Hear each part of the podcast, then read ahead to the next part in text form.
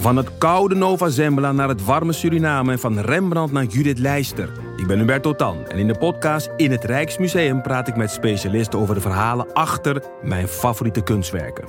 Nieuwsgierig? Beluister nu de nieuwe afleveringen.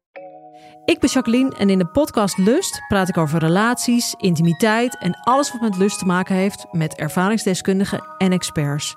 Of je nu in een relatie zit, single bent of iets daartussenin, Lust is de podcast voor jou. Overal te beluisteren, dus ook in jouw favoriete podcast-app.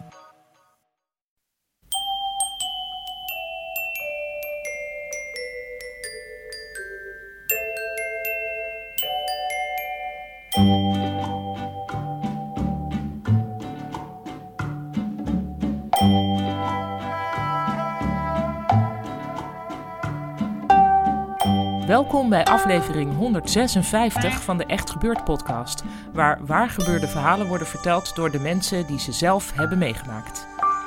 In deze aflevering het verhaal van Joris van Meel en het thema van die dag was rivalen.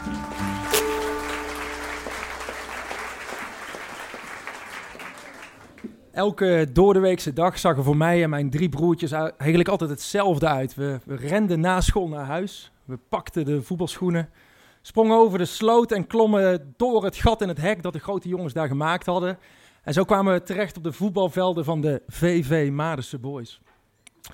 En ja, we, we spendeerden daar uren en we, we, voetbalden en we keepten. En sommige jongens waren van Basten. En anderen waren Bergkamp. Maar ik, ik was altijd Michel Preudom, de Belgische topkeeper. Later was ik Van der Sar.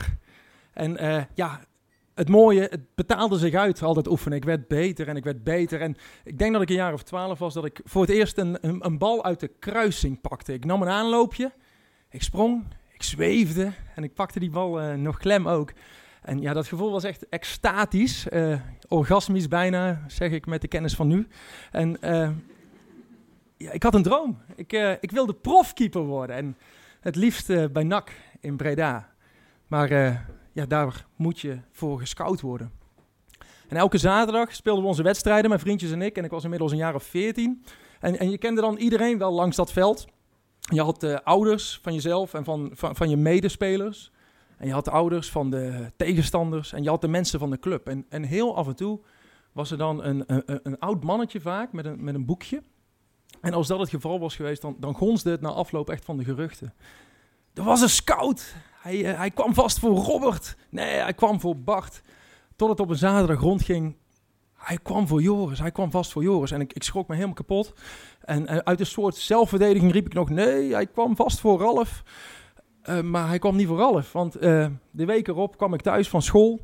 Ik zat in de tweede van het gymnasium toen. En, naast mijn kopje thee en naast mijn stroopwafel lag een envelop met daarop het logo van NAC. En ik griste die brief eruit en, en, ik las daar of ik op gesprek wilde komen. En dan gingen we, mijn vader en ik, in onze afgerachte Volkswagen Passat op naar Breda. En, en daar waren allemaal jongens zoals ik, jong en, en klaar om prof te worden. En iedereen kende elkaar, maar ik kende helemaal niemand. Maar toch kreeg ik aan het eind van de avond ook, ook de vraag, wil jij bij NAC komen voetballen?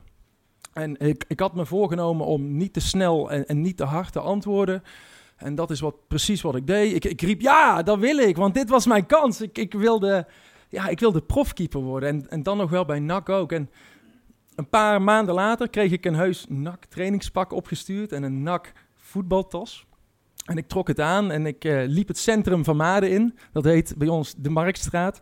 En uh, ik, ik pompte mijn borst vol met lucht en ik, paradeerde daar rond, want ik was de man. Ik, ik zou de nieuwe keeper van NAC worden. Ik, ik, was, ja, ik was er klaar voor. En toen werd het augustus. En dan begint de voorbereiding op een seizoen begint dan. En uh, ja, dat is een maand lang trainen en oefenwedstrijdjes spelen voordat de echte competitie begint. Ik werd opgehaald met een, een, een, een nakbusje. Drie keer in de week werd ik opgehaald met een nakbusje. En van Maden naar Breda gereden. En we stapten uit en we liepen naar de kleedkamer voor de eerste keer. En ik zag dat er achterin nog een, nog een klein plekje was. En ik paste er net tussen, helemaal in het hoekje. En vanaf daar had ik een goed uitzicht op, op de rest van het team. En, en schuin tegenover mij zat een, zat, zat een grote gast. Iets langer dan ik, twee keer zo breed. En ik was 15, nog in de groei maar hij was duidelijk al wat eerder in de groei geweest. Hij had zelfs al borsthaar en, en schaamhaar, bleek na afloop. En ehm, hij pakte uit zijn voetbaltas pakte die een paar voetbalschoenen, wat op zich normaal is. Maar hij pakte ook een veil, wat op zich niet zo normaal is. En hij begon met die veil, begon die, die metalen schroefnoppen, begon die te slijpen. En, en dat duurde een paar seconden. En, en toen zei zo'n gast, een medespeler, zei, "Eh, eh, René, wat doe je? En René antwoordde dat hij ehm, de noppen aan het aanscherpen was om de tegenstander zo snel mogelijk te blesseren. En ik kroop nog wat dieper in mijn hoekje, want dat was het moment dat ik me realiseerde, eh, dit is René, dit is de andere keeper. Ik wist wel dat er nog een andere keeper zou zijn, maar ik had er eigenlijk niet zo goed over nagedacht. Maar, maar dit was hem dus. De man met wie ik zou moeten gaan strijden om één plek. En je hebt, kijk, voetballers hebben geluk. Als je rechtsback bent, kun je ook rechtshalf staan of laatste man staan. Wij keepers kunnen alleen maar heel goed keepen. Maar je hebt maar één plek die bezet wordt door een keeper. En dat is de keeperspositie. Dus dit was het, hij of ik. We liepen naar het trainingsveld en ehm, ik liep achteraan met de ballen op mijn nek. Ik was nieuw.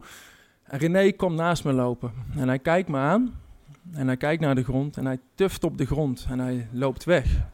Ik was echt niemand voor hem. Niemand was ik. En de training begon.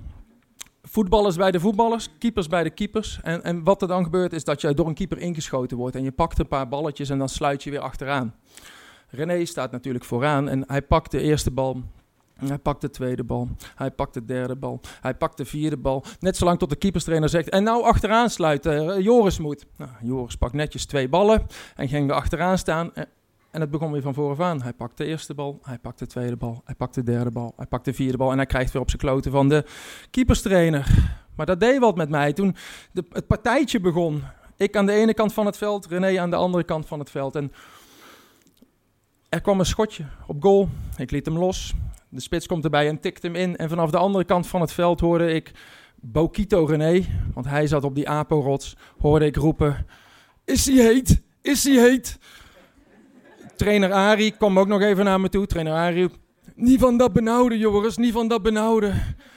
Na de training, ik douchte me heel snel, ging in dat busje zitten, wachtte totdat de andere jongens ook klaar waren en we reden naar Maden. Thuisgekomen, gooi ik mijn tas op de hoek, in de hoek en ik ga in bed liggen. En ik denk na over mijn eerste training bij NAC, waar ik mij zoveel van had voorgesteld. En het werd zo anders. En de volgende dag ging ik weer en het ging niet beter. En de volgende dag moest ik weer en het ging niet beter. Keeper is zelfvertrouwen hebben. Keeper is niet nadenken over de fouten die je kunt maken. Want dan ga je die fouten maken. En ik maakte fout op fout op fout. Op zaterdagen voetbalden we wedstrijden. Op zaterdagen voetbalden mijn teamgenoten wedstrijden. Op zaterdagen eh, moest ik de warming-up van Bokito René doen. En eh, eigenlijk bij alles wat ik deed, kreeg ik de hoon van Bokito René over mij heen. De bal was niet voldoende in de hoek. De bal was niet hard genoeg. Ik gooide de bal niet goed terug. Ik was blij dat ik na dat half uur weer lekker op de bank kon gaan zitten. En zo ging het een aantal maanden door en het eh, werd november. En ik had nog geen enkele wedstrijd gespeeld tot trainer Ari op een donderdag naar me toe kwam. En hij zei, Joris, je speelt zaterdag. We hebben een oefenwedstrijd tegen Fortuna. En ik kon er niet van slapen donderdag. En ik kon er ook niet van slapen vrijdag. En op, op zaterdag klom ik uit mijn bed. En ik zette mijn zieligste stemmetje op. En ik zei tegen mijn moeder: Ik ben ziek. Ik, ik kan niet spelen. Ik kan niet spelen. En ik dook mijn bed in. En ik wachtte net zo lang totdat de wedstrijd afgelopen was. En ik eindelijk weer uit mijn bed kon. Het werd kerst en dat is altijd de tijd bij profclubs dat er een evaluatiemoment is. En daar zat ik met mijn vader naast me en trainer Arie tegenover me. En er was een evaluatieformulier dat daarvoor lag. Ik weet niet meer waar ik op beoordeeld werd, maar het was in ieder geval allemaal slecht. Vijf punten slecht. Ehm, ja, ik had weinig vooruitzichten, maar toch bleef ik gaan. Het was mijn droom en ik wilde keeper worden. En daarbij in Maden liep ik nog altijd rond met mijn naktrainingspak en mijn borst vol met lucht. Maar in Breda was ik inmiddels een leeggelopen ballonnetje. Het seizoen vorderde, ik keepte echt geen deuk in een pakje boter. En het werd vanzelf eindelijk mei. Het allerbelangrijkste of het allerspannendste moment voor heel veel jongens. Want dan krijg je de vraag, mag jij blijven bij NAC of, of moet je weg? En ik vond het helemaal niet spannend. En da daar zaten we meer, mijn vader en ik, tegenover trainer Arie. En ik was nergens meer slecht in. Ik was nu overal matig in. Ook fijn om te weten. En, uh, en daar kwamen dan de verlossende woorden. Je moet weg bij NAC. Maar dat is helemaal niet wat ik hoorde, want ik hoorde, je mag weg bij NAC. En van puur geluk biggelden de tranen over mijn wangen.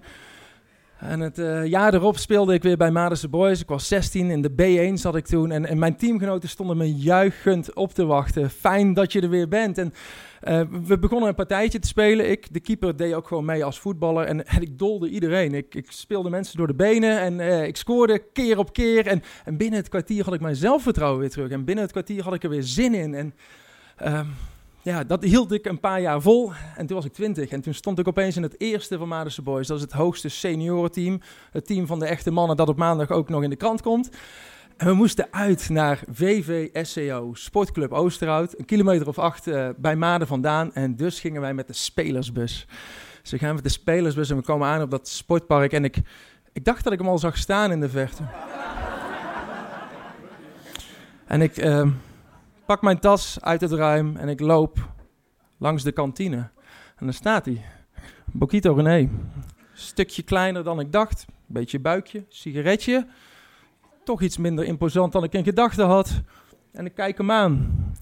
En ik kijk naar de grond en ik tuf op de grond. En ik, en ik loop door en ik, ik, ik, neem mij voor om de wedstrijd van mijn leven te spelen. En, en dat lukt me. We winnen met 3-0. En ik, ik pak alles. En uh, ik heb echt werkelijk geen idee of ik na afloop nog contact met René heb gehad. Of ik hem mijn hand heb gegeven of we gesproken hebben. Maar ik had hem moeten bedanken. En daarom doe ik dat bij deze alsnog. Bokito René, bedankt voor deze wijze levenslessen.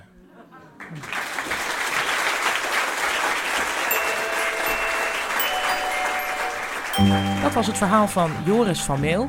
Joris is communicatieadviseur en hij heeft een blog en dat kun je vinden op fanmail.nl. Maar dat schrijf je dan dus, nou ja, als, fan, ja, als fanmail, maar dan met mail met M-E-E-L. Dus eigenlijk niet als fan. Dus F-A-N-M-E-E-L.nl.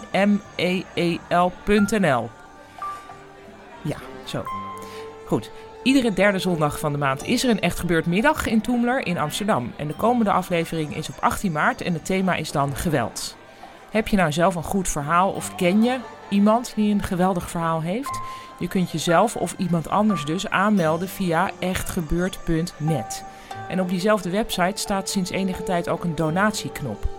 Als je echt gebeurd een warm hart toedraagt, denk dan eens over een donatie. Want echt gebeurd is duur om te maken en je kunt ons helpen door een bedrag naar eigen keuze over te maken.